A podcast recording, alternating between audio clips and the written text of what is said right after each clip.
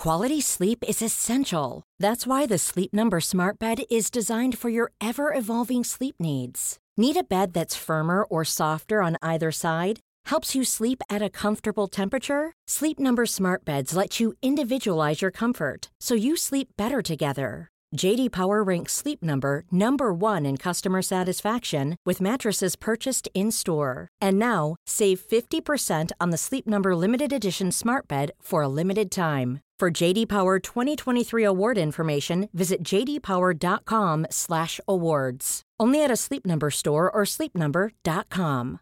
One size fits all seems like a good idea for clothes until you try them on. Same goes for healthcare. That's why United Healthcare offers flexible, budget friendly coverage for medical, vision, dental, and more. Learn more at uh1.com. I'm Sandra, and I'm just the professional your small business was looking for. But you didn't hire me because you didn't use LinkedIn jobs. LinkedIn has professionals you can't find anywhere else, including those who aren't actively looking for a new job but might be open to the perfect role, like me. In a given month, over 70% of LinkedIn users don't visit other leading job sites. So if you're not looking on LinkedIn, you'll miss out on great candidates like Sandra. Start hiring professionals like a professional. Post your free job on linkedin.com/people today. Ja. Ja, vil du prøve å prate litt? ja, god morgen og hjertelig velkommen til en ny episode av Åpen journal. Det er vel ikke bare jeg som legger merke til at du høres innmari trøtt ut i stemmen? Eh, ja, eh, min sønn Bernhard Ja. han har eh, fått seg en ny luftveisinfeksjon. Ja, er ikke det deilig? Så Nei, det er ikke deilig. Nei, men vi er vel på uke ti, eller noe sånt, med forkjølelse nå. Eh, Det skal folk slippe å høre om. Men øhm, jeg eh, måtte jo da stå opp med han i dag tidlig, klokken uh, halv seks. Sånn er det å ha barn. Eh, og du har sovet fem timer lenger enn meg. Så det er jo litt rart for meg at du er så trøtt. Jeg, jeg har vært våken i hele natt. Han har ligget og hostet og harket, Ja. og jeg har vært inn og ut. Nei, du har jo ikke vært der inne én gang! Eh, jeg tror jeg har vært inne. Ja, fy faen. Men det jeg gleder meg veldig til nå, det er at jeg i morgen faktisk skal sove fem timer lenger enn deg. Jeg har ikke sovet, du har ikke sovet, jeg har ikke sovet fem timer lenger. Det har du vel? Har vel ikke? Jo. Men um, poenget her folkens, er at Harald har en uh, veldig god forklaring på hvorfor han er så mye trøttere enn meg når han blir vekket om morgenen. Hvorfor det? Nei, altså det var denne morgenen Akkurat da jeg ble vekket i dag. Så jeg tror jeg var på et veldig dypt sted i søvnsyklusen min. Og da, når man er på et dypt sted, da blir man veldig trøtt når man våkner. Okay. For avtalen var jo at jeg skulle stå opp først, og så skulle vi bytte, og så kunne jeg sove litt til. Men da jeg kom opp til deg, så sa du Er det noen som helst måte jeg kan sove litt lenger på? Ja, Og da hadde ikke jeg hjerte til Jeg å var i bunn, i, bunn, i nadir Ja, men vet du hva? Det kjenner jeg at jeg er i morgen. Det vet du ikke. Jo. Eller i rem, dyp rem-søvn i morgen eh, rundt eh, de samme tidene. Det er synd på meg, og eh, Det er synd på de som skal høre på den trøtte stemmen der. Ja, men det går fort over. Ok. La, la, la, la, la, la, la, la. Ikke sånn.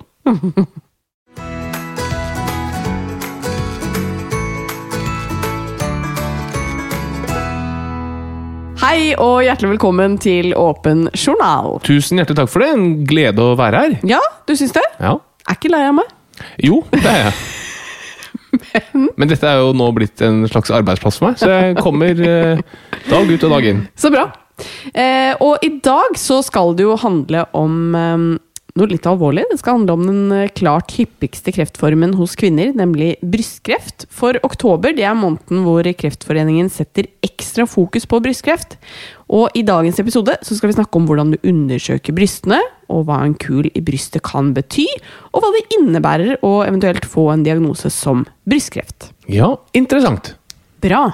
Og så skal vi jo ha en gjest, som alltid, og hvem er det?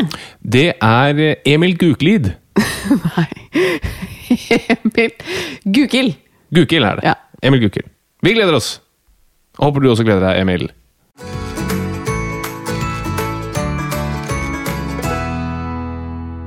Eh, vi må jo snakke litt om en eh, tur vi har hatt eh, for litt siden, og det var jo til Trondheim. Ja.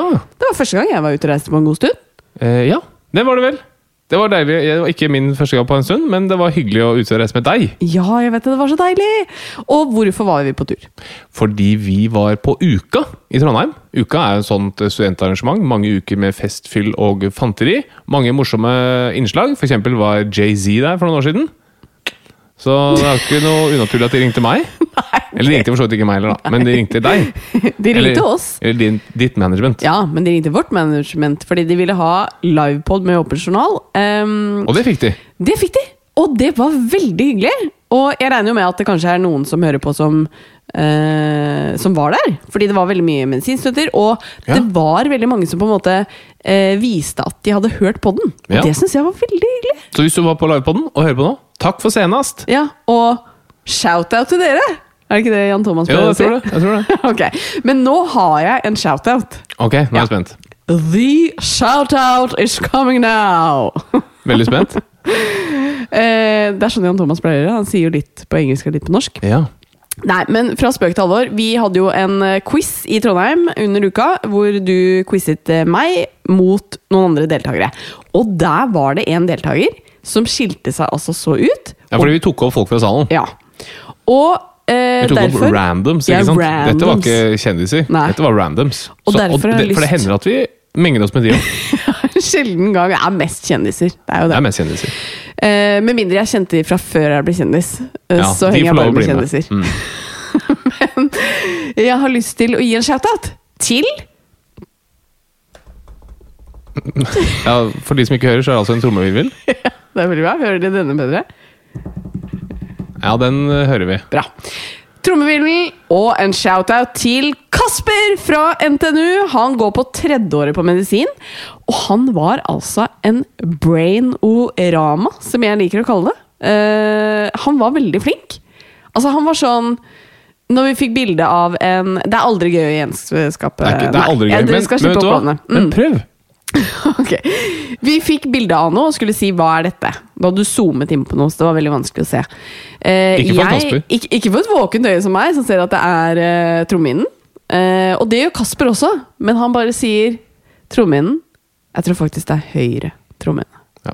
Og det er liksom en sånn mic drop, hvis du skjønner hva jeg mener. Ja da, det var, det var veldig imponerende. Ja. Altså, det er jo ikke så fryktelig vanskelig til alles forsvar, men uh, det var veldig imponerende. Ja. Han klarte mange spørsmål, og han hadde hørt podden, for han kunne svar fra tidligere quizer og sånn, så det var veldig kult. Og i ettertid så ble jeg så nysgjerrig på bare hvor mange år han har gått og sånn, og da fikk vi høre at han går på tredjeåret. Kasper, hvis du hører på, shout-out til deg. og så fikk vi også høre at Kasper ikke bare er eh, veldig intelligent, men også sosialt veldig god. Oi. Så det jeg tenkte å si til resten av lytterne våre, er hvis du trenger en ny fastlege, så vil jeg faktisk tenke meg at Kasper, som både er faglig sterk, men også sosialt god, kanskje den neste store. Ja. Ja, Og når er det han kan begynne å prøve som ja fastlege? Det er vel om en eh, fem-seks år? Ja, det er nok noe sånt, ja. Og Du vet ikke om han blir fastlege engang. Nei, det vet jeg ikke. Så jeg vil anbefale å bruke noen andre, i hvert fall frem til det. ja. ja, men eh, jeg vet i hvert fall hvem jeg skal ringe om eh, fem-seks år. Du skal roe deg helt ned, du, tror jeg. Så det var veldig veldig gøy. Ehm, så er jeg veldig spent på å høre om det er noe siste nytt fra medisinen denne uka. Eh, ja, det er det.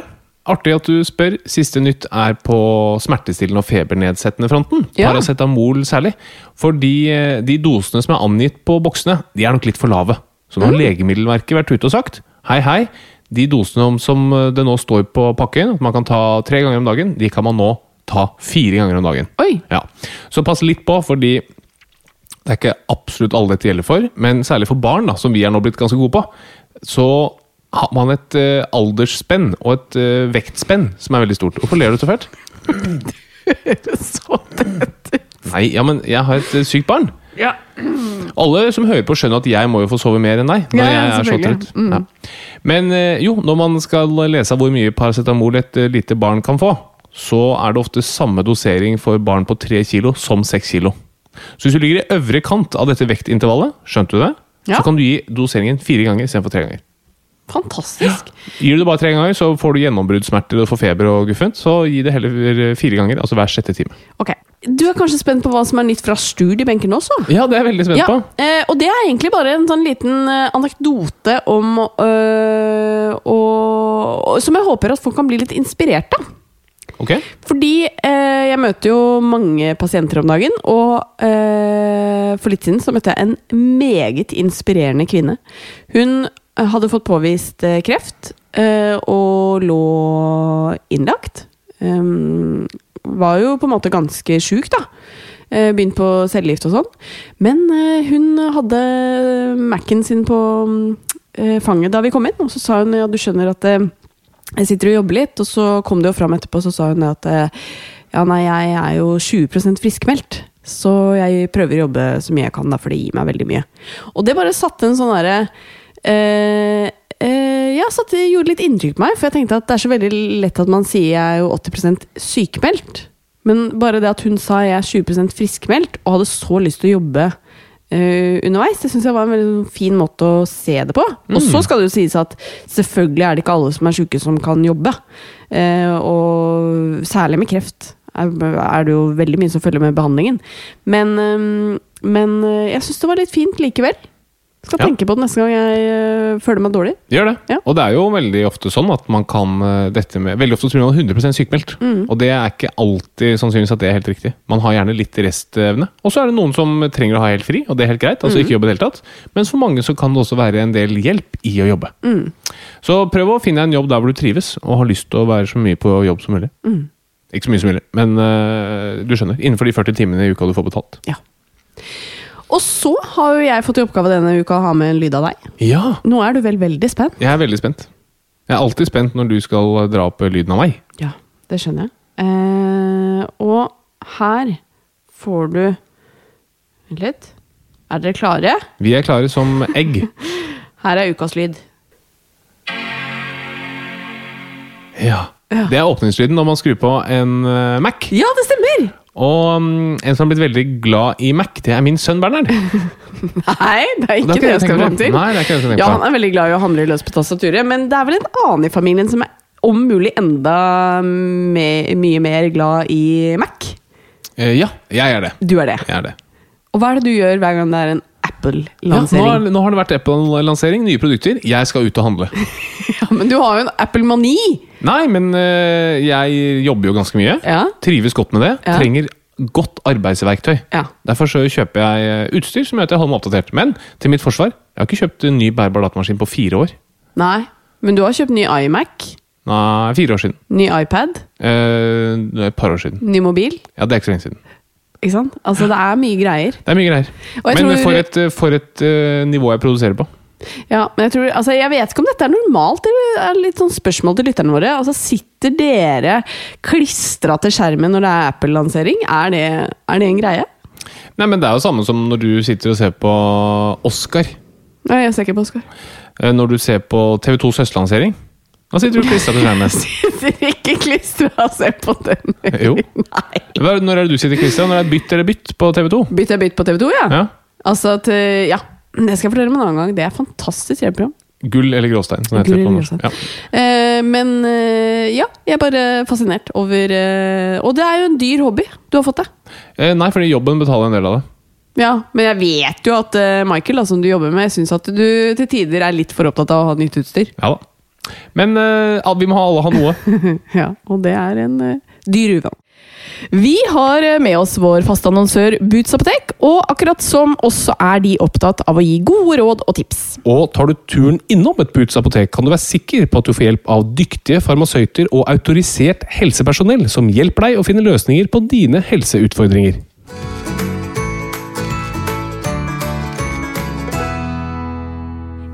Av tolv norske kvinner vil utvikle brystkreft i løpet av livet, men takket være forskning på behandling og tidlig oppdagelse, så overlever flere enn tidligere.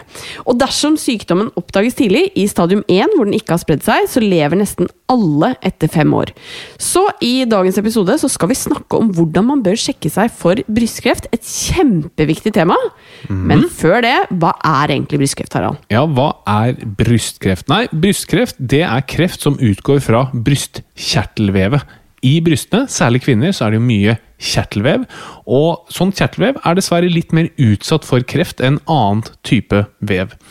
Og som vi vet, så er jo kreft det er når celler begynner å dele seg ukontrollert og begynner å spise seg inn i omkringliggende vev. Så kreft det er celler som kun tenker på én ting, å dele seg og vokse, koste hva det koste vil. Og når dette skjer i brystkjertelvevet, da heter det brystkreft. Og det er skumle greier. Altså, Hva kan eh, årsaken være til at man får det? Nei, vi vet ikke hva som gjør at den enkelte får brystkreft, dessverre. Men vi vet ganske mye om risikofaktorer, altså hva som øker sannsynligheten for å få brystkreft. Og der vil genetikk spille en, en rolle, alder spiller en rolle, kjønn, om du ammer, eh, hvor lenge man ammer, hvor sent du får barn, osv.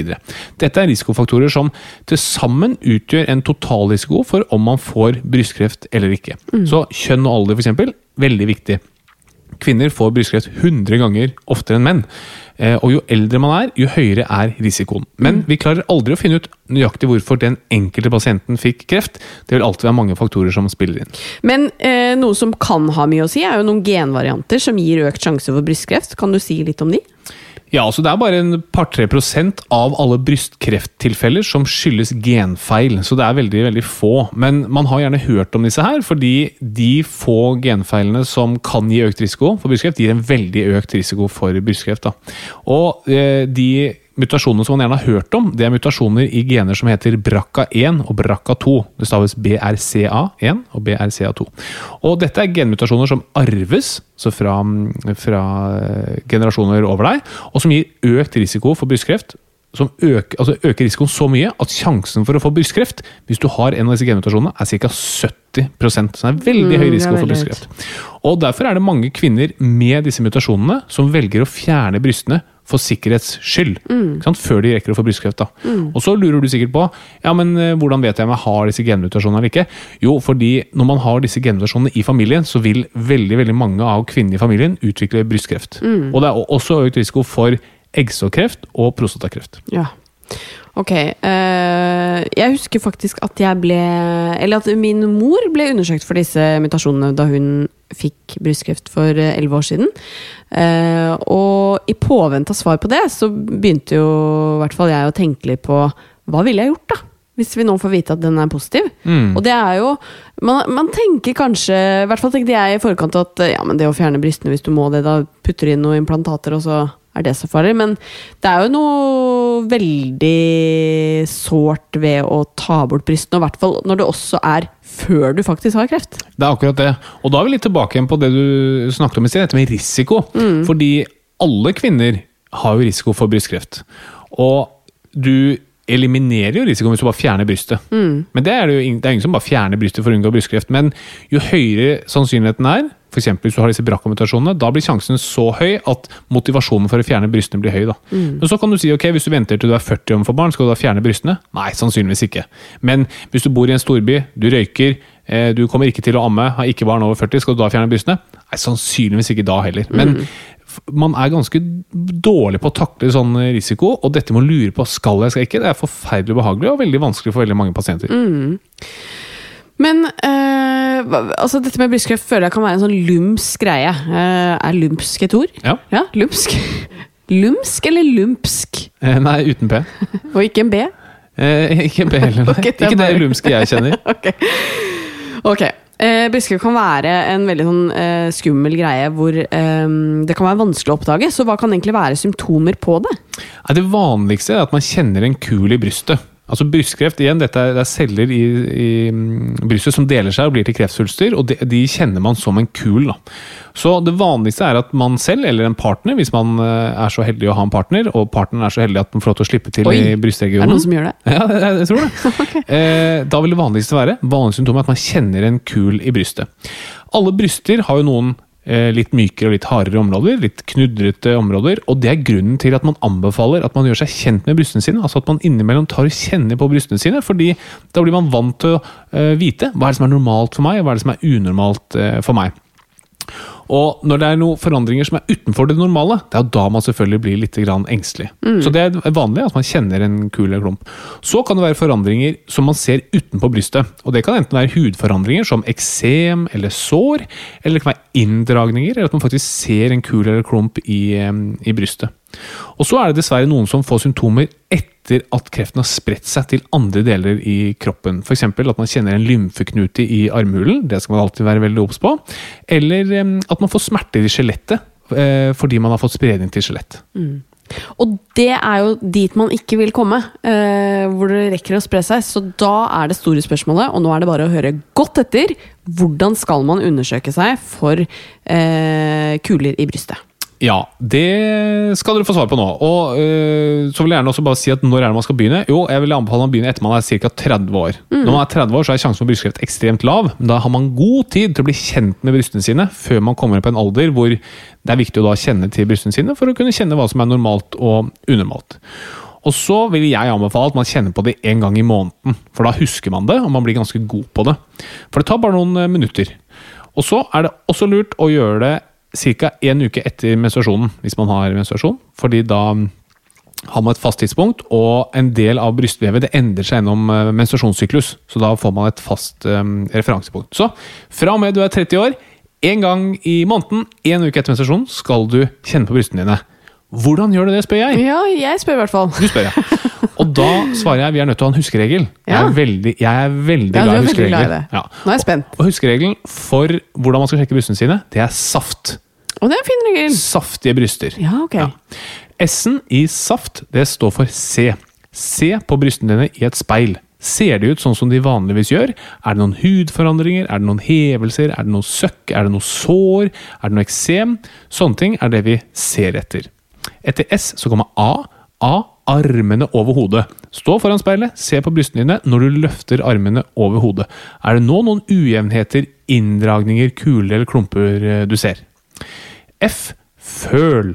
Føl etter klumper i brystet ditt. Ett og ett bryst, og så kjenner du på brystet ditt em, systematisk og ser for deg at brystet ditt er en klokke. Klokken tolv er på toppen. Start der. og Så kjenner du rundt klokken tolv, og så rundt klokken ett, klokken to, sånn at du får rundt i hele brystet. Systematisk eh, og fint. Så vær innom absolutt alle timer i klokken. Og hvis du har store bryster, så kan det være lurt å gjøre det til liggende. Da får du fordelt liksom, brystene litt mer utover brystet, og det gjør det litt lettere å kjenne på. Og siste, T, står for tickle tickle. En god huskeregel er alltid en dårlig huskeregel. Så du skal kjenne i armhulen din, Ja. der man kiler, ikke sant? Kjenn etter kuler og klumper her. Og er det et eller annet du er usikker på eller lurer på, så bare drar du til en lege. Dette er leger gode på å kjenne på og vurdere. Man har veldig lav terskel for å både henvise videre og gjøre mm, eh, ekstra undersøkelser. Så alt du kjenner er unormalt, eller du er bekymret for, syns du skal ta opp med en lege. Saft en gang i måneden fra du er 30 år. Ja, ok. Fordi Min neste spørsmål var hva gjør man hvis man finner en kul, men det er altså bare å dra til legen. Og det er ikke noe spørsmål om det. Nei, det syns jeg ikke. Så kjenner du noe du er usikker på, så tar du med til legen. Det du kan tenke også, er at det er sannsynligvis ikke kreft. For det er det ikke. Hvis du kjenner en kul i brystet. Hva kan det være, da? Eh, masse snille ting. Det fins eh, det som heter fibroadenom. Altså masse sånne ting som er en kul i brystet, som ikke er kreft. da. Og så er det jo at man har igjen litt ujevn konsistens på brystet sitt. Det er helt vanlig, og det kan endre seg litt gjennom menstruasjonssyklus. da. Så det kan man gjøre særlig med unge, friske kvinner. Eh, at man ser an. Selv om man har en kul i brystet, så går man til legen så sier legen, du, dette kan vi se an en eller to menstruasjonssykluser. Det er ikke helt uvanlig. Men det er alltid legen som skal ta vurderingen, ikke du. Ja. Så, kjenner du en kul i brystet, tenk at det er sannsynligvis ikke kreft, men gå til legen allikevel og få det undersøkt. Men enn så lenge så skal jeg altså bare undersøke mine egne bryster eh, selv. Men når er det jeg skal begynne å ta mammografi? Så mammografi det er en røntgenundersøkelse av brystene som alle kvinner i alderen 50 til 69 år blir, blir anbefalt eh, å ta gjennom mammografiscreening-tilbudet. Og det er fordi kvinner i alderen 50 til 69 år har en forhøyet risiko for brystkreft. Det er jo, eh, altså Medianalderen for brystkreft det er 62 år. Kvinner på 62 år er som overrepresentert i brystkreftstatistikken. Det er de fleste, det alderen de fleste har. Altså, ikke, det er ikke gjennomsnitt, men det er som midt, midtalderen. Ja, men si det, da. Det er Gjennomsnittsalderen. Nei, gjennomsnittsalderen, da, for å si det enkelt, er 62 år. Kvinner på 62. Så okay.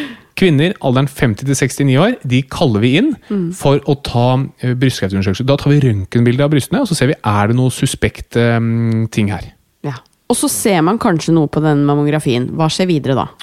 Så um, for å forklare litt, så hvis du Litt med sannsynlighet og sånn, da, selv om det ikke er en mattetime. Uh, hvis du sjekker 1000 stykker, 1000 kvinner i alderen 50 69 år med mammografi, så vil 970 av de få beskjed om at her var alt bra.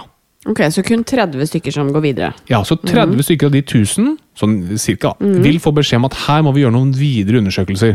Og så gjør man noen videre undersøkelser, og da er det til slutt seks stykker som vil få diagnostisert kreft. Ok. Så husk det. Selv om du får et brev og sier sånn, hei, det var et eller annet på mammografien, kom tilbake, så er sannsynligheten mye større for at du ikke har kreft, enn at du har det. Ja. Husk det. Du skal selvfølgelig følge opp, men husk det. Og det man gjør når man har en kul eller klom som man lurer på om er kreft, så vil alltid eh, måten vi leger finner ut på, er at vi tar en prøve fra den kulen. Altså vi, vi tar en liten nål inn i kulen, og så suger vi ut noen celler, og så ser vi på disse cellene i mikroskop, og så ser vi hm, er dette kreftceller, eller er det ikke det.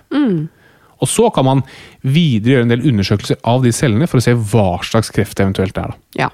Og det avgjør jo hva slags behandling man skal få. Hvilke typer behandlinger er det man gir til brystkreft? Så det fins mange typer behandling, men liksom de store hovedbehandlingstypene eh, det er kirurgi, altså at man skjærer bort eh, svulsten eller svulstene. Det er cellegift og hormonbehandling. Og hva man gir, og i hvilken rekkefølge og hvordan, det eh, baserer seg litt på hva slags type kreft det er, og hvor utbredt den er. Mm. Og stråling, selvfølgelig. Sorry. Altså strålebehandling. Strålebehandling er veldig fascinerende, brukes med mange typer kreft. Og det som er litt kult med strålebehandling, er at som vi har snakket om, kreftceller de bare deler seg helt ukontrollert. Da. Når du utsetter en celle for stråling, så blir den skadet, men så bruker den litt tid på å reparere seg selv. Men fordi kreftcellene ikke bryr seg om reparasjon, de bare deler seg og deler seg, så er de mer utsatt for strålebehandling enn det vanlige celler er. Så du, det som er en um, kreftcellens styrke, at den bare deler seg uten å reparere noen ting, det, det bruker du mot den når du bruker strålebehandling. Skjønte jeg? Ja, for den klarer ikke å reparere. Ikke sant? Så er det liksom fascinerende, da. Ja. Eh, og da bruker man stråling. Stråler mot kreftcellene, og så mm, bidrar det til å drepe kreftcellene. Ja. Men eh, både stråling og kjemoterapi er jo superheftige behandlinger, ikke sant? som du kan bli veldig dårlig av der og da. Og så kan det på lang sikt, etter mange år, gi bivirkninger. Eh, hva slags senvirkninger er det man kan se av kreftbehandling? Ja, og Det er helt riktig, og dessverre er det sånn at um, kreftbehandling det er skikkelig tøffe saker, og det har mye tøffe bivirkninger. Og det kommer selvfølgelig litt an på hva slags behandling man får, hvilke bivirkninger man får. Dessverre så er det sånn at kvinner med brystkreft de har en overdødelighet hele 20 år etter de har hatt brystkreftdiagnosen. Det er lenge. Ja, det er veldig, veldig lenge. En vanlig ting man gjør i forbindelse med en del brystkreftkirurgi, det er å fjerne lymfekjertler. Så lymfekjertler det har vi rundt i hele kroppen, og det de gjør, er at de suger opp alt mulig væske fra vevet og sender det videre i systemet. da. Og det er veldig fint, fordi vi har alltid masse væske rundt omkring i kroppen, så lymfen det suger opp disse tingene. Men i og med at lymfen driver og suger opp all denne væsken, så suger de altså ofte også opp kreftceller, hvis det er noen kreftceller på avveie. Derfor er lymfekjertlene alltid veldig utsatt for spredning. Og det er det også ved, ved brystkreft. Så veldig ofte så vil man se om noe har spredt seg til lymfekjertlene, og ofte så kan man også fjerne lymfekjertlene for å være sikker på at det ikke har kommet noen spredning dit, eller også hvis man mistenker at det har kommet spredning dit. Men når du da fjerner lymfekjertlene, så fjerner du dette systemet som suger opp ekstra væske. Og lymfekjertlene som suger opp væske fra brystet, de ligger i armhulen. Det er derfor man alltid kjenner på armhulen. Eh, Men de lymfekjertlene fjerner også væske fra armen på samme side. Så hvis du fjerner lymfekjertlene i forbindelse med brystkreftkirurgi, så fjerner du systemet som suger opp væske fra armen, og da får du hevelser i armen. Det er det vi kaller lymfødem. Altså ødem fordi det ikke lymfen eh, fungerer. Eh, Og det er en ganske vanlig bivirkning av det. Så har du igjen dette med stråling. ikke sant? Når du stråler mot brystet og mot kreftcellene, så treffer også strålingen andre organer, dessverre. De tåler jo bedre enn kreftcellen, men de blir også skadet. da. Og hva er det som ligger rundt omkring ved brystet? Hjerte, lunge Yes, kjempebra. Og da vil jo de selvfølgelig også bli, kunne bli skadet av dette her. Og det kan man merke mange år etterpå, at man har økt risiko for f.eks. hjerteinfarkt da, etter stråling mot, eh, mot eh, brystet. Og så, Siste ting jeg vil dra fram, er overgangsalderen. Fordi ofte så bruker du hormonterapi mot øh, brystkreft, og da vil man komme umiddelbart i overgangsalderen. Og det er selvfølgelig innebærer en del, del ubehag. Og så har du dette med fatigue. Ja, eh, bra du tok opp det. Um, fatigue er veldig vanlig etter kreftbehandling. og Det er rett og slett at man er trøtt og sliten uten at det blir bedre av hvile. Det er en forferdelig senvirkning, forferdelig komplikasjon, som dessverre veldig mange som har hatt kreft, opplever. Og så har jeg bare lyst til å si eh, Jeg har jo vært litt på shoutouten i dag. Eh, og det skal jeg gjøre nå også. Fordi eh, min mor, som da ble heldigvis frisk av brystkreft, hun har også jobbet på Radiumhospitalet på brystkreftavdelingen.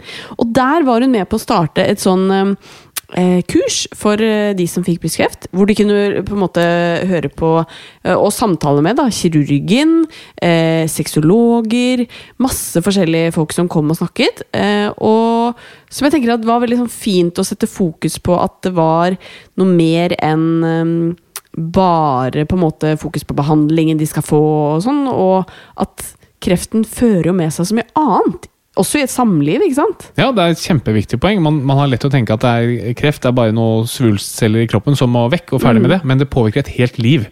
Og både det følelsesmessige, hvordan man kan prestere i yrkeslivet, hvordan man kan prestere med partneren sin. Så jeg må si en shout-out til svigermor Annelise. Det er på sin plass her. Ja, enig. Ehm, for så eh, er jo også spørsmålet, hvis man da får eh, kreft og behandling, hva er liksom prognosen ved brystkreft? Så det avhenger veldig av hva slags brystkreft man har, og ikke minst hvor tidlig man kommer til eh, behandling. Så hvis du tar alle med brystkreft under ett, så vil ni av ti med brystkreft være i live fem år etter diagnosen. Så det er ganske bra. Og hvis du kun har kreft i brystet, da er det hele 99% som er i live etter eh, fem år. Så det er kjempebra. Ja. Men hvis du har spredning på tidspunktet hvor man diagnostiseres, da vil 75% være døde etter fem år. Ja. Så det er ikke bra. Og hva skal man da gjøre for å unngå det? Nei, det er saft, da. Og øh, være litt obs på dette her. Komme til øh, hjelp tidlig. Søke hjelp hvis man er usikker på dette med brystet. Jeg møter mange som sier jeg vil ikke plage legene legemet med det. Ja, selvfølgelig, det er det derfor vi er her. Ja. Vi vil bli plaget med disse betalt for tingene. Yes. Så det syns jeg absolutt man skal gjøre. Men en siste ting jeg bare lurer på, er at um, jeg leste at det er færre kvinner som har fått påvist brystkreft under korona. og Hva kan det liksom si oss? Er det noe som bør bekymre oss? Ja, det bør egentlig det. Ja. Fordi det er jo ingenting nå som har skjedd som gjør at vi forventer at det skal være færre som får brystkreft. Så når det er færre som har fått diagnostisert, det betyr dessverre at det er flere som går rundt udiagnostisert. Så saft en gang i måneden fra 30 år oppover, det vil være en viktig bidragsytende faktor til at vi får flere til behandling raskere. Se, armene opp, føl og tickle, tickle! Veldig, Se, veldig bra. den sitter hos meg. Sitter som et skudd. Fantastisk. Jeg Og- elsker huskeregler. Siste tips. Mannen din kan også kjenne for det. Oi! Ja. Ja. men Det hadde kanskje vært fint, for jeg syns det er veldig ubehagelig å gjøre selv. Ja, takk. Her ble vi faktisk enige om noe begge har lyst til. Ja, Og da kan vi også komme inn på penilkancer, som noen kan undersøke for. Ja, Det får vi ta i en annen episode.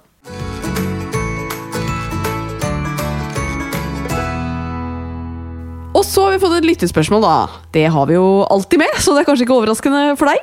Eh, ikke spesielt Nei, det er bra. Eh, men det er en som lurer på dette med stramt tungebånd hos barn. For det har vært en del fokus på det, og mange velger å klippe tungebåndet hos barnet hvis de sliter med amming. Men eh, lytteren spør da eh, finnes det evidens for at dette faktisk fungerer. Hva kan doktoren si om dette?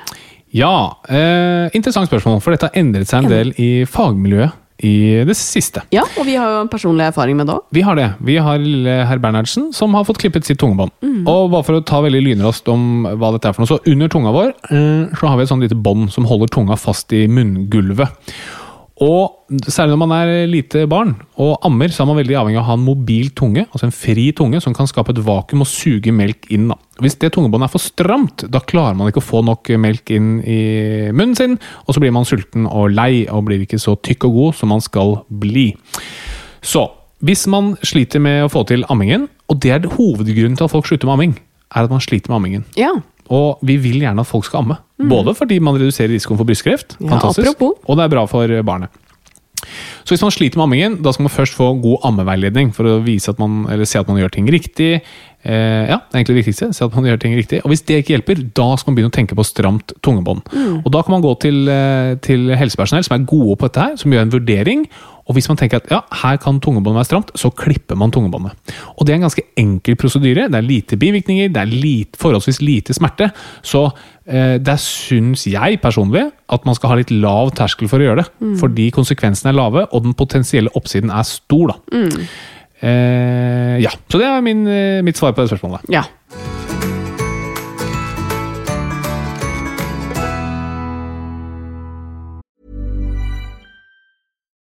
Here's a cool fact a crocodile can't stick out its tongue.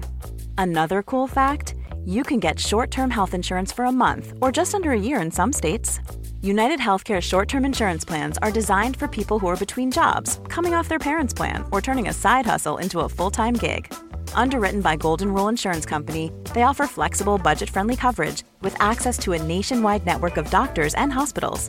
Get more cool facts about United Healthcare short term plans at uh1.com. Quality sleep is essential. That's why the Sleep Number Smart Bed is designed for your ever evolving sleep needs. Need a bed that's firmer or softer on either side? Helps you sleep at a comfortable temperature? Sleep Number Smart Beds let you individualize your comfort so you sleep better together. JD Power ranks Sleep Number number 1 in customer satisfaction with mattresses purchased in-store. And now, save 50% on the Sleep Number limited edition Smart Bed for a limited time. For JD Power 2023 award information, visit jdpower.com/awards. Only at a Sleep Number store or sleepnumber.com. Hey, it's Ryan Reynolds, and I'm here with Keith, co star of my upcoming film, If, only in theaters, May 17th. Do you want to tell people the big news?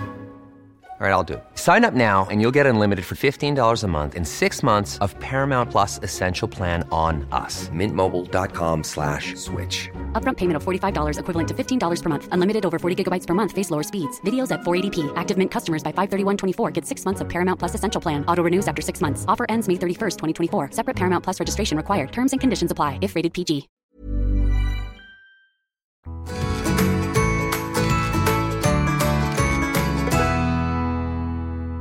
Da har vi fått inn en eh, blid fyr i studio, og godt er det, for du er jo møkkasur, eh, Harald. Det er jeg, vet du. Det er litt min rolle i denne podkasten. Emil Gukild, hjertelig velkommen. Tusen hjertelig takk. tusen hjertelig takk, Veldig hyggelig å være her. Takk Hva? for det. er- For det er Gukild, det er ikke Gukelid. Det er Gukild, ja. Går du noen gang sur i det?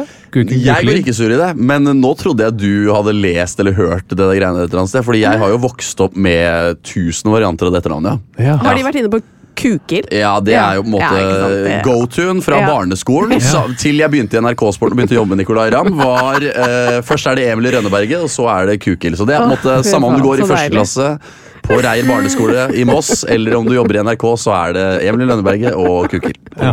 Ikke Kuksild.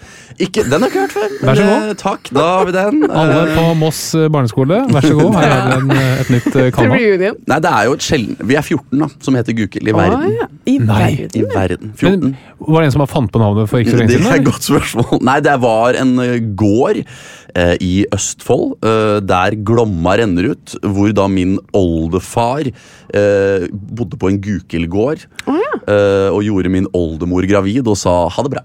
Ja. Ja. Ja. Ja, ja, Og så var vi i gang. Å, ja. Så var vi i Nå gang. sitter vi her. Her sitter vi, tenk det. Men han røveren han eh, klarte å ordne seg 14 etterkommere, han da? Han har 14 etterkommere, Ja. så nå er det min oppgave å røve flere etterkommere. Mm. Skjønner. Og du har jo ordna deg en du kan befrukte, du? Eh, Det, det kan være. Det var en være. gavepakke, Emil. Det må du si. Ja, så øh, vi får se. Men Ja. hva, heter, hva heter det der hvor dere bor nå? Fordi Hvis du stikker, hva blir da barna dine hete? Uh, Frogner? Jeg bor på Sagene, Sagene. så det er det Sagene gård. Ja, Sagene. Ja, men det er et fint etternavn, det òg. Hvis, eh, hvis ikke det blir Myhre, da, Emil. Eh, ja, det er jo ganske mange som heter Myhre, da. Så, Ja. Wenche Myhre. Myhre. Da kan man jo tro det er Thomas Myhre. Ja, for det, hvilken, er det Wenche-Myhre, eller det må vi bare forklare til med en gang? Det er Wenche Myhre og Thomas Myhre som lagde Linnea Myhre. Mm. Nei, jeg tenkte på hvem du dater. Er det Wenche eller er det Linnea? Det var Wenche Myhre, nå er det Linnea Myhre. Hvem er best? Uh, de har sine styrker og svakheter, begge to. Som alle andre mennesker. Det er. Som alle andre mennesker. Mm. Men for å ta deg inn på det, da, hvordan står det til med helsa di? Du, jeg var syk eh, fire dager nå. Eh, jeg er sjelden syk, så da føler jeg meg helt ubrukelig. Altså. Ja, du gjør det. Jeg sånn Går helt i kjelleren. Sånn føler jeg jeg får ikke bidratt med noe. Får ikke utretta noe. Bare føler meg helt sånn ja. Så nå er jeg frisk. Setter pris på det. Ja. Ellers er helsa tipp topp, føler jeg selv. Ja. Ja, Var det gonoré? Det var verre ting. Oi, oi, oi, Nei, det var altså Det var forkjølelse, rett og slett. Altså. Ja. Tett nese og vond hals og bare mm, Det var ikke covid? Feber. Ikke covid. Nei. Tok, en, eh, tok to tester. Uh, fikk ta en sånn selvtest på jobben. Det var jo helt forferdelig. Ja, det er helt grusomt. Ja, så, Men eh, frisk nå. Nei, jeg føler jo personlig at helse er tipp topp, men dere vet jo bedre enn meg. Ja. Ja. Ser ikke sånn ut. Nei, spør oss. Det trynet her ser ikke helt bra ut, men Ring kirurgen. jeg føler det selv. Det beste, Den dagen jeg har følt meg friskest i mitt liv, eh, var da jeg skulle inn i Forsvaret. For da uh, måtte jeg etter hvert på Flymedisinsk institutt. Eh, og der ble jeg jo testet av sju forskjellige leger på sju forskjellige ting. Oi. Og da man kommer derfra, da var det sånn, ok, tommel opp liksom. Da følte jeg meg veldig frisk. frisk. fant ikke noe gærent? Fant, jo, det var én, eller de finner jo alltid noe, men alt var godkjent da, Uh, med tanke på det jeg skulle i Forsvaret. Men da var det en lege som sa du har knekt nesa du, Ukil, tidligere. og så sa jeg nei, det har jeg ikke. Jo, se her. Nei. Så hadde han noen bilder da som viste at nesa mi Så hvis jeg tar og drar huden på nesa mi tilbake, så ser den der er litt skeiv. er den Ja, ja. Ja, Så den ja. eh, mente han hadde knekt en gang, så hadde jeg ikke merka det. da. Yes, du er en tøffing, du. Og Jeg er kjempetøff. kjempetøff. Det er Moss, ute. Det er getto, det er slåsskamper, det er tagging, det er eh, For du har ingen erindring om hva som kan ha skjedd? Nei, jeg har jo sikkert fått en ball i trynet eller et eller annet. da. Ja, mm. ja, ikke sant. Um, men hva slags tester må man gjennom der? Er det liksom hjerte og alt Det var mulig? alt. Det var, uh, altså, det var sånn å sitte og puste i en maskin. Sånn eh, puste alt jeg kunne. En sånn Ja. lungemaskin. Ja. Vet ikke hva det er for noe. Lungekapasiteten? Ja, kunne vært, kan være det. Sånn spirometri er det Ja. det vanligste. Ellers så kunne det vært oksygenopptak, da, hvis det var kondisjonen. Ja, nei, Det var det også. Det var også å få greier på brystet og løpe alt man kunne. Og så var det jo uh, røntgen. Det var trykkammer. Oi. Oi. eh, med å sjekke liksom, at man kunne utligne trykk bra og sånn. Og så var det mm, ja, alt av røntgen og reflekser og Nei, det var sju, sju forskjellige leger som sjekka sju forskjellige ting, rett og slett. Ja. Men det begynner å bli en stund siden du har vært Det der. var 2014. Ja, sommeren 2014. Så mye kan ha Ja, gått galt på den tiden. Men hvor mye går du til legen da? Har du vært mye hos legen etter det? Nei, jeg var eh, nå sist vinter, så fikk jeg gått litt på ski, eh, og da fikk jeg helt forferdelig vondt i ryggen. Altså sånn, øh, Jeg har et videoklipp på telefonen min hvor jeg skal reise meg fra sofaen, og jeg bare, jeg klarer det så vidt. Er det sånn? Jeg, står, Yes. jeg bare øh, kommer meg ikke opp. Og da gikk jeg til en øh, kiropraktor. Ja, Ikke en for jeg spurte legen. Ja, jeg vet. nei, men jeg har ikke, har ikke vært så mye hos legen ellers. da. Så nei, det har ikke vært så mye legebesøk etter 2014. altså. Nei. nei. Hjalp kiropraktor? Ja, kom med noen tips og triks, og så var det vel egentlig bare hold deg i aktivitet, ikke sitt stille. Ja. Ja. Ja, men det fungerer som regel, det. Ja. Mm. Men er dette et tegn på at du begynner å bli eldre, kanskje? Mm, nei, altså jeg, jeg vet ikke. Jeg føler Jeg er 29, da. Så jeg føler jo det er nå det piker, Ja, kanskje. ja, det er det. Og så, så jeg prøver Jeg hørte episoden med Henrik Fladseth der, og han var vel 32. Ja. Og han følte jeg var på vei nedover. Ja, ja. så, Ja, men jeg, jeg hadde vært 30 i en uke før jeg fikk betennelse under foten. som. Det har jeg hatt siden. ikke sant? Ja, Ja. så det er, så jeg, altså, må nyte, du jeg 30. fyller 30 i februar 2022, Ja. så mm, jeg nyter nå har tre-fire-fem gode måneder igjen. ja, jeg nyter de maks. Nei, men altså, jeg ø, føler at det går bra. Ja. Ja. Men eh, opp igjennom har du vært Du har spilt litt fotball og sånn, ikke sant?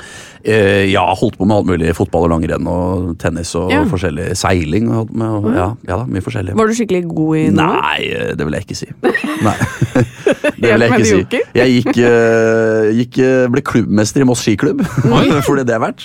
Vi Hvor var, mange var medlem der, da? vi var eh, to deltakere i min klasse. Og du var best av de to? Og jeg var best. Olav, du ble knust. Nei. Og han satt i rullestol. Han satt i tragisk, eh, rullestol. Nei, det er en lang historie. Nei, så, nei, jeg var ikke noe særlig god i noen av de greiene der. Nei. Nei. Det vil jeg ikke si. Har du opplevd noen skader og sånn? da? Oi, har jeg opplevd noen skader? Nei, altså Den verste skaden jeg har hatt i mitt liv, var jo egentlig den der uh, rygg... eh, Episoden? Ryggepisoden. Ja.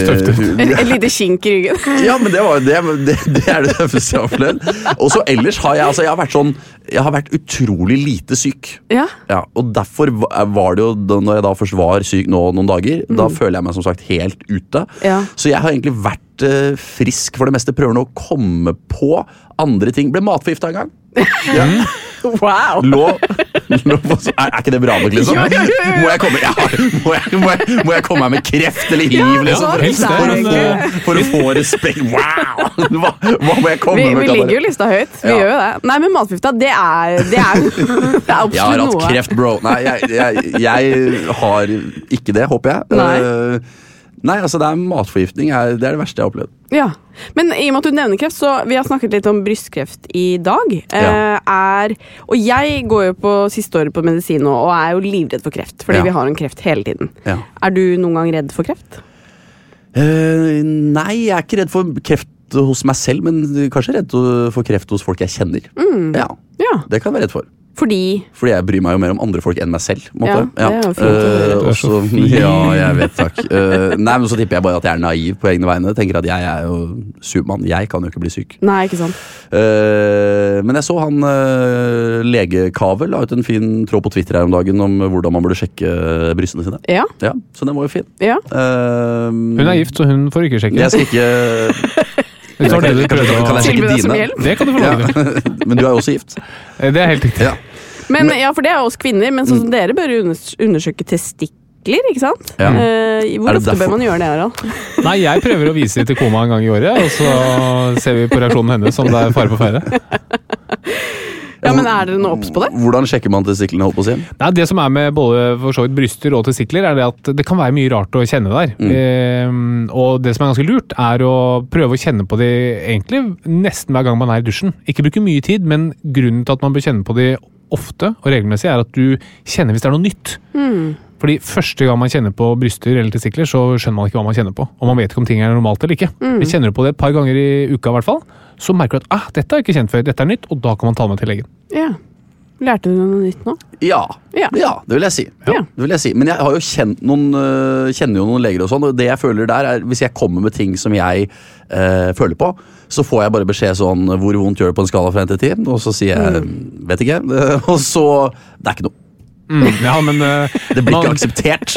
Det blir ikke man kan jo man kan si det, og så har man rett i 95% av tilfellene. At, det, er At det er ikke noe. Ja. Men uh, det er disse 5 da man gjerne vil fange opp. Jeg trodde du skulle si at jeg har jo kjent på en del bryster opp igjennom. uh, det tror jeg på. Nei, det var ikke det. Nei, det var ikke det. Det var at jeg har kjent en del Altså, jeg kjenner folk i deres profesjon, Ja. øh, og jeg føler ikke at jeg blir hørt. Nei, Men, men, det gjør man ikke. Nei. Nei, nei, Nei. altså I hvert fall på sånn vennskapelig og ekteskapelig nivå, så er det bare å drite i det. Jeg hikka her om dagen, Mm. og jeg syns faktisk det er litt lite fokus på hvor vondt ja, hun gikk, kan og være. liksom for hvert hikk så sa hun fy faen, det hikket er grusomt. Men jeg føler at det er veldig Gjør det vondt hos deg? Å hikke? Ja. Nei, det er jo ikke vondt, men det er irriterende. Ja, Ja. men det er det jeg mener. At da har, dere har ikke opplevd det jeg opplever. Fordi at det er, hos meg er det dritvondt, liksom. Men dette er en fanesak. Ja. Og hvis dere lyttere kjenner dere igjen, så kan vi godt opprette en gruppe på Facebook hvor vi Ja. kan utveksle erfaringer. Men i hvert fall, jeg fikk ikke gehør hos deg, da. Du Nei, var jo helt uinteressert. Utrolig kynisk Men dere som da er eh, leger og snart lege, holdt på å si, eh, og eh, kjenner masse folk eh, som ikke er leger eh, Kjenner en del bryster. Kjenner en del bryster. Når folk kommer til dere, eh, hva skal til for at dere eh, respekterer og aksepterer det de sier? Eh, Hvis det er 'du, jeg har litt vondt, jeg har et sår her', hva hvor, må vi, hvor høyt må vi opp for at dere skal Ok, men dette der bør du faktisk gjøre noe med. Ja, nei, det som er så vanskelig er det at um, Når man er lege, så har man egentlig Eller ikke egentlig, man har journalplikt. Da, så hver Ja. gang noen kommer og spør deg om noe, sånt, skal du egentlig gjøre en vurdering og skrive ned journalen. Ja. Og det er ikke alle som tenker på. så Folk ringer og sender SMS og kommer bort Mm. på gata og spør om ditt og datt. Og det er egentlig det er en sånn juridisk ganske farlig sted å bevege seg som lege. Mm. Men Man kan selvfølgelig gi noen råd over bordet, og sånn, men man, har et ganske, man, man påtar seg et ganske stort ansvar Ja. ved å gjøre det. Hva kan jeg ta over bordet med dere her og nå? Testiklene dine. Nei, nå, altså, jeg, det, Dette er ikke Onlyfans! Dette er ikke, jeg skal ikke på Onlyfans, Harald! Jeg har, du har det! Respekterer det. Jeg skal ikke på Onlyfans. Det, det gjelder å ha flere inntektsstrømmer. Ja. Ja. Nei, Har du noen helseplager du ønsker å få hjelp med? Uh, ja, jeg har to eller tre. Oi! Oi, Ja. Er dere klare? Vi Yes. Den ene er beinet mitt. Der kan jeg legge beinet Ja. på Det bordet? kan du faktisk. Fordi jeg uh, er jo en uh, sparkesykler. Ja. Ikke sant? Og jeg er jo sur nå på Raymond Johansen, fordi vi gikk fra å ha 24 000 sparkesykler og Ja, slutta 8000. ja, jeg uh. Eh, Så jeg måtte bytte sparkesykkel underveis for å komme hit, for eksempel, Ja, fordi det er så få og det er så lite batteri. Ah. sånn, ikke sant? Men jeg eh, skulle hjem fra en uh, fest nå for en og en halv måned siden. eh, og så klarte jeg å på en måte slå sparkesykkelen i leggen. Og jeg har da Skal vi se, nå legger Ja, Det jeg kan være veldig vondt. Det er kjempevondt. Er det verre enn å hikke, tror du? Katarina? Nei, det tror jeg faktisk ikke. Her ser jo du et arr. Å, ja. Dere ser et Ja, arr ja, der. ja. Hvis du kjenner her, eh, Harald Hva kjenner du? Hva kjenner du? Her er, her er et lite, lite søkk i benet. Kan jeg kjenne? Og så er det en liten kul. Så du har fått en liten benet utvekst der. Det. Hva vil det si? Eh, nei, det vil si at det har skjedd en eller annen skade i benet som kroppen har reparert ved å lage mer ben. Oi. Men eh, der kan det godt være at du hadde en liten avskalling, eller at det er noe som man hadde sett på røntgen. Det vil jeg nesten tro. Oi. Så det var, eh, det var skikkelig greier, det der. Ja, Altså. Så det sier litt om smerteterskelen? Det sier absolutt litt ja, men det eh, vil jeg si. Men det er jo ikke noe å gjøre ved nå, ikke sant? Men hadde man gjort noe egentlig Nei, sannsynligvis ikke. For du kunne gå på bena og sånn, eller? Ja da. ja da. Ja. Mm. Mm. Ok, det var nummer én. Var nummer én, Så den skal jeg bare la være. Den skal du la Ja. Og så er det nummer to. Uh, nå er det jo snart vinter, eller nå er det jo høst, da. Uh, og allerede på høsten så merker jo jeg altså på sommeren null problem med hud. Men med en gang høsten kommer, får jeg ofte en kvise eller to, og det Ja. har jeg ofte gjennom hele vinteren. Ja. Hvorfor det? Nei, det er eh, sol eh, og høy luftfuktighet er ganske bra på kviser. Mm. Um, så det- hvis du bruker fuktighetskrem, gjør du det? Nei. Nei. det kan Bruker du begynne- noe som helst? Nei. Nei. Gjør dere? Om han gjør! Han har jo den hudpleierrutinen med toner og serum og Ja. Ja. Ja, Det er ikke noe kødd. Og I dag er det bare ni kviser. Det var sånn dårlig i dag. Men, eh, så det, vil jeg gjort det samme? Vil jeg anbefale mitt hudpleierregime? Ok. Absolutt ikke. Okay, Nei. Men litt litt fuktighet litt han burde fuktighet. Ja. burde han jo ta, da. på morgen eller kveld, eller begge deler? Eh, ideelt sett begge deler. Begge deler, ja. Mm. Ja. Ok. Du ser jo veldig glatt og fin ut nå. Ja. Ja, takk, men uh, det er Her er den, ser du ikke? Der, ja, nettopp. Oi, huff da. Ja. Da. Nei, det var ikke stort. Nei, men, men likevel. men litt fuktighet utover høsten da, kan være Ja, blir mye tørrere i lufta, Ja. så det er veldig fint. Fuktighet. Ok, greit. Uh, og så uh, er det en eh, samtale på hjemmebane holdt på å si, om eh, væskeinntak. Interessant. Ja, fordi jeg drikker utrolig mye vann. Ja. Jeg, jeg, jeg måtte blitt avhengig av det. Jeg er utrolig. uh, vannoholiker. Eh, nei, men Hvis jeg skal spise, samme om det er frokost, lunsj eller middag, eller kveldsmat, eller hva som helst, så drikker jeg Her står det en karaffel med kanskje 1,5 liter vann. Jeg drikker en sånn. Gjør du? Ja. Men er det fordi du Fordi veldig mange drikker jo fordi de sier sånn Ja, vi må jo drikke to liter vann hver dag. Det er ikke derfor. Nei. Eh, jeg tror det begynte på videregående at jeg sang en del, og da var det lurt å drikke vann for stemmen, og så ble jeg bare avhengig. så jeg, nå er det sånn, jeg, men jeg tror det er bare Eller at jeg har dårlig spyttproduksjon i munnen. Et eller annet. Altså, nei, men når jeg spiser Hvis dere hadde gitt meg et måltid her nå, Ja. og var sånn, du skal spise det uten å drikke, så hadde det, sånn, det hadde vært et mareritt. Nei. Ja. Men Yes. er du tørr i munnen? Jeg føler jo ikke det Nei. selv. Tisser du mye? Ja, jeg gjør jo det når jeg drikker så mye, da. Ja. Hva hadde skjedd hvis du hadde halvert vanninntaket ditt? da? Det hadde sikkert gått helt fint.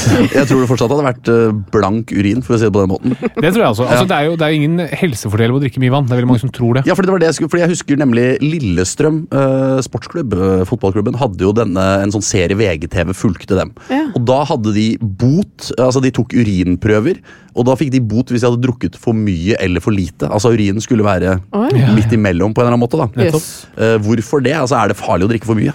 Eh, nei, det er det for så vidt ikke, men du bare tisser rett ut igjen. da. Så jeg, Mm. Det er mer det at eh, mange som går og tror at de må drikke så fryktelig mye for at de noe helsegevinst. Det Mm. gjør de ikke, og da kan det bli en sånn at man kan gå og tenke veldig mye på det, Mm. som gir stress. da. Jeg tror man skal tenke minst mulig på egen helse, faktisk. Og da mm, tror jeg man skal, man skal drikke så mye eller lite man er happy med, og trenger ikke å være noe redd for at man drikker hverken for mye eller for lite. Du er jo han litt irriterende som er sånn Jeg har en avhengighet. Eh, Ja. Hvor alle andre er sånn Å, jeg, har litt andre ting her. Ja, nei, øh, ja. Jeg eh, vil dra flere avhengigheter. ja. Uh, nei, det er jo ikke avhengighet. Jeg har jo ikke noe. Altså, Nei, men obsession. hvis jeg spiser en tyggis, Ja. sukkerfri tyggis, da spiser jeg hele pakka. Det er det sjukeste. Det, er, det er det jeg har, da! ja. Og det stammer fra at jeg hadde uh, godtestopp i sjette klasse på barneskolen. Oh, ja. Spiste ikke godteri på et år. Oi. Dro til Sverige, uh, fikk kjøpe masse godteri. Spiste godteri i en uke, og så var det sånn Hei, godtestopp var jo lett. Kjører et år til. Oi. Og da, hadde da gikk det jo to år basically, da, uten at jeg for drakk Fanta, da, som jeg ikke hadde rukket å drikke i løpet av denne uka. Og da ble sukkerfri tyggis min øh, ja. Så det er det jeg har, altså. Sorry. Det er, Ja, ja, Jeg har altså- ikke kreft, og jeg har ikke noe avhengigheter. Det er det. Jeg er en dårlig, jeg er en dårlig, en dårlig gjest. Nei, men du kommer, nei, nei det, det er kjempebra, fordi du, det, Kanskje du Altså, du kommer sikkert til å leve veldig lenge. Og så har vi jo fått uh, Katarina som har delt litt av sin hikkehistorie, Ja. så vi får jo fram alvorlige historier. her. Tusen takk, dere. her, og, mm. Eh, men før vi går til quiz, så vil jeg bare høre hva er det beste og det verste du gjør for helsa di? Oi, kjempebra spørsmål. Tusen takk. Ja, oi, det beste og det verste. Nei, Dere får jo bedømme hva som er det beste og verste, egentlig. Men jeg kan jo Mhm. tippe. og så kan dere... Nei, Det beste jeg gjør, er vel å trene og øh, spise sunt Mhm. og pusse tenna, eller? Ja, det er bra. Ja. Og ikke røyke. Ikke røyke. Ja, bra. Det er veldig bra. Nei, så Det er vel øh, det beste jeg gjør, tror jeg. Eh, Det verste jeg gjør for helsa mi Kom noen eksempler her, da? Intravenøs rusmisbruk. Alkohol? Mye alkohol? Uh, nei, det er jo ikke så mye alkohol, føler jeg, da. Nei. Nei. Uh... Sover du godt? Sover du mye? Ja, jeg føler jo Jeg vurderte å ta det også på positivt Ja. for helsa. Ja. Ja. Hvor mye sover du? Eh, jeg har en klokke. I natt Ja. sov jeg mm, Skal vi se eh, 7 timer og 27 minutter. Eh, Ja, er 85 poeng. Kvalitet bra. Lang og restituerende søvn. Ja, den er Du, nice. s- du ser ut som en type som uh, sover godt og lenge. Ja. Takk for det. I Eh. I like måte. Uh, nei, uh, jeg tror det egentlig er bra. altså. Nei, hva, hva, hva gjør jeg som er ille for helsa? Nei, Hva kan han gjøre ellers, da? Nei, men jeg synes du, du, ser jo ut som en frisk fyr. Ja, du gjør det. Ja. Eh, men eh, vi får se. Jeg er så spent på hvor god Emil er i quiz. Ja, Oi, jeg tror du er liksom over middels Ja, god. dessverre. Jeg tror du er sånn jevnt god i alt. Ja, det er litt irriterende. Nei, det ja. Vi får se. Er dere klare? Ja. Da kjører vi quiz. Og med oss i dag har vi Emil Gukild, eller Gukelid. God dag. Takk. Hei, hei, hei. Og Katarina Flatland Dobla. God ja, dag. hyggelig. Er dere klare? Ja. Veldig. Ja. Og er, det, er vi mot hverandre? Ja, ja, ja. Å, herregud! Selvfølgelig. Ja, ok, ja. Ja, ja.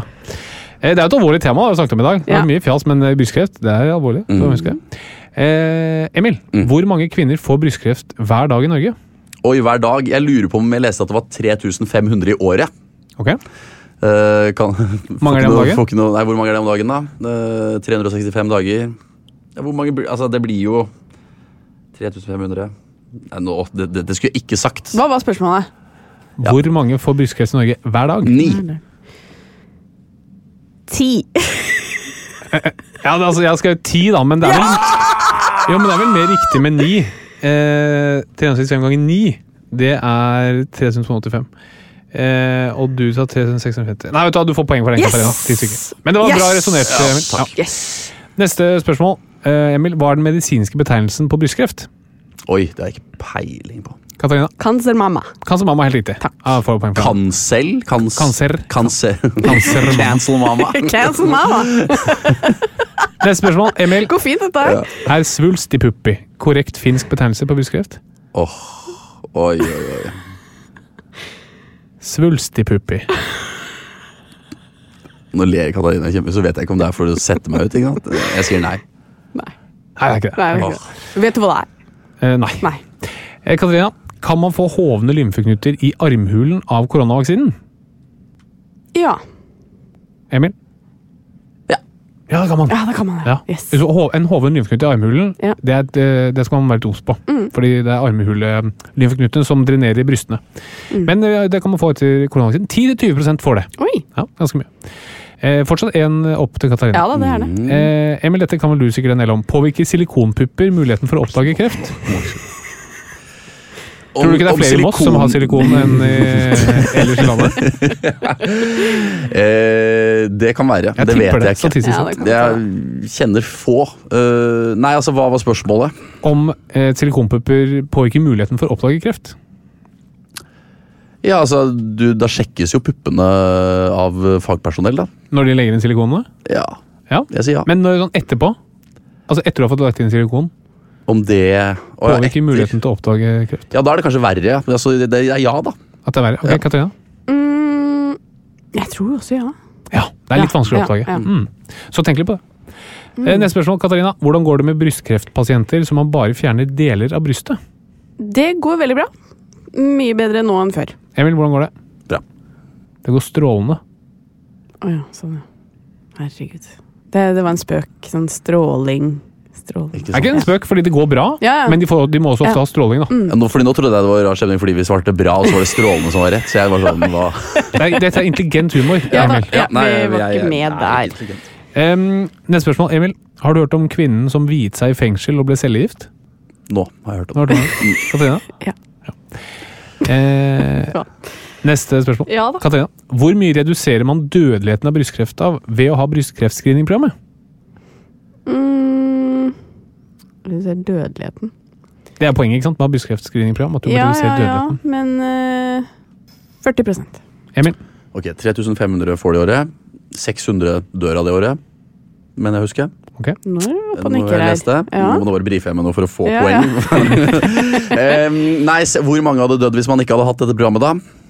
Hvor, altså, hvor, hva sa du? Eh, Jeg sa 40 men jeg tror, det 40%. er, eh, jeg tror det er mye, faktisk. 80% 20% Ja, det er det. Ah! Mm. Ja, det er det. Du fanger ikke opp så mange flere. Mm. Røyking øker ca. med 20 Så man kunne egentlig nesten bare kutta ut røyking. Sluppe Ja. ut brystkreftscreeningprogram. Tenk litt på det. Ja. Siste spørsmål. Emil. Hvorfor ble den kvinnelige kreftlegen Dåsa Kukhamar fengslet i 21 år? Er det sant? Dette er helt sant. Nei, det er ikke sant. Eh, nei, nå er jeg spent. Den kvinnelige kreftlegen Dåsa Kukhamar ble fengslet i 21 år. Hvorfor det, Katarina? Nei, jeg vet ikke. Hun ble dømt for tumord. Ja, ikke sant. Det er en nydelig avslutning på noe som var bra, og kunne vært enda bedre.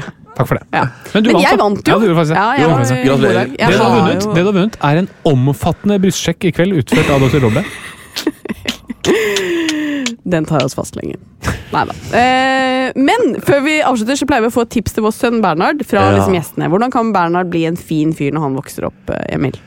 Oi, hva, innen helse eller hva som helst? Nei, hva som Hva helst. Bare som- et Ja. livsråd på veien. Livsråd, snakk om følelsene dine. Ja, det er et kjempefint råd! Ja. Hvem skal snakke med de om? Foreldrene sine, vennene sine og besteforeldrene sine. Ja, og alle. Alle han møter på sin vei. Ja, Det Mm. føler jeg er eh, litt bedre ved vår generasjon enn de eldre. At man, eh, det er litt mer rom for å snakke om ting nå. Og Mm. det, det skal vi skape Og rom for. Og spesielt viktig for gutter. Ja, det. Veldig fint. Det var veldig bra. Ja. Og med det så sier vi tusen takk for at du hørte på, og tusen takk for at du kom. Veldig hyggelig å være her. Håper ikke du er helt uh, vettskremt. Jeg koser meg. jeg. Skjønner at jeg, Neste gang skal jeg komme tilbake med noe verre. Da skal veldig bra. skal Matforgiftning Ja, også. For eksempel hikke. Det verste. Tusen takk for i dag. Ha det. Plan B. Hey, it's Danny Pellegrino from Everything Iconic. Ready to upgrade your style game without blowing your budget? Check out Quince. They've got all the good stuff shirts and polos, activewear, and fine leather goods, all at 50 to 80% less than other high end brands. And the best part? They're all about safe, ethical, and responsible manufacturing. Get that luxury vibe without the luxury price tag. Hit up quince.com slash upgrade for free shipping and 365 day returns on your next order. That's quince.com slash upgrade. Hey, it's Paige DeSorbo from Giggly Squad. High quality fashion without the price tag. Say hello to Quince. I'm snagging high-end essentials like cozy cashmere sweaters, sleek leather jackets, fine jewelry, and so much more. With Quince being 50 to 80% less than similar brands. And they partner with factories that prioritize safe, ethical, and responsible manufacturing. I love that. Luxury quality within reach. Go to quince.com slash style to get free shipping and 365 day returns on your next order. Quince.com slash style. Imagine the softest sheets you've ever felt. Now imagine them getting even softer over time. That's what you'll feel with Bowl and Branch's organic cotton sheets. In a recent customer survey, 96% replied that Bowl and Branch sheets get softer with every wash. Start getting your best night's sleep in these sheets that get softer and softer for years to come. Try their sheets with a 30-night guarantee. Plus, get 15% off your first order at bowlandbranch.com. Code BUTTERY. Exclusions apply. See site for details.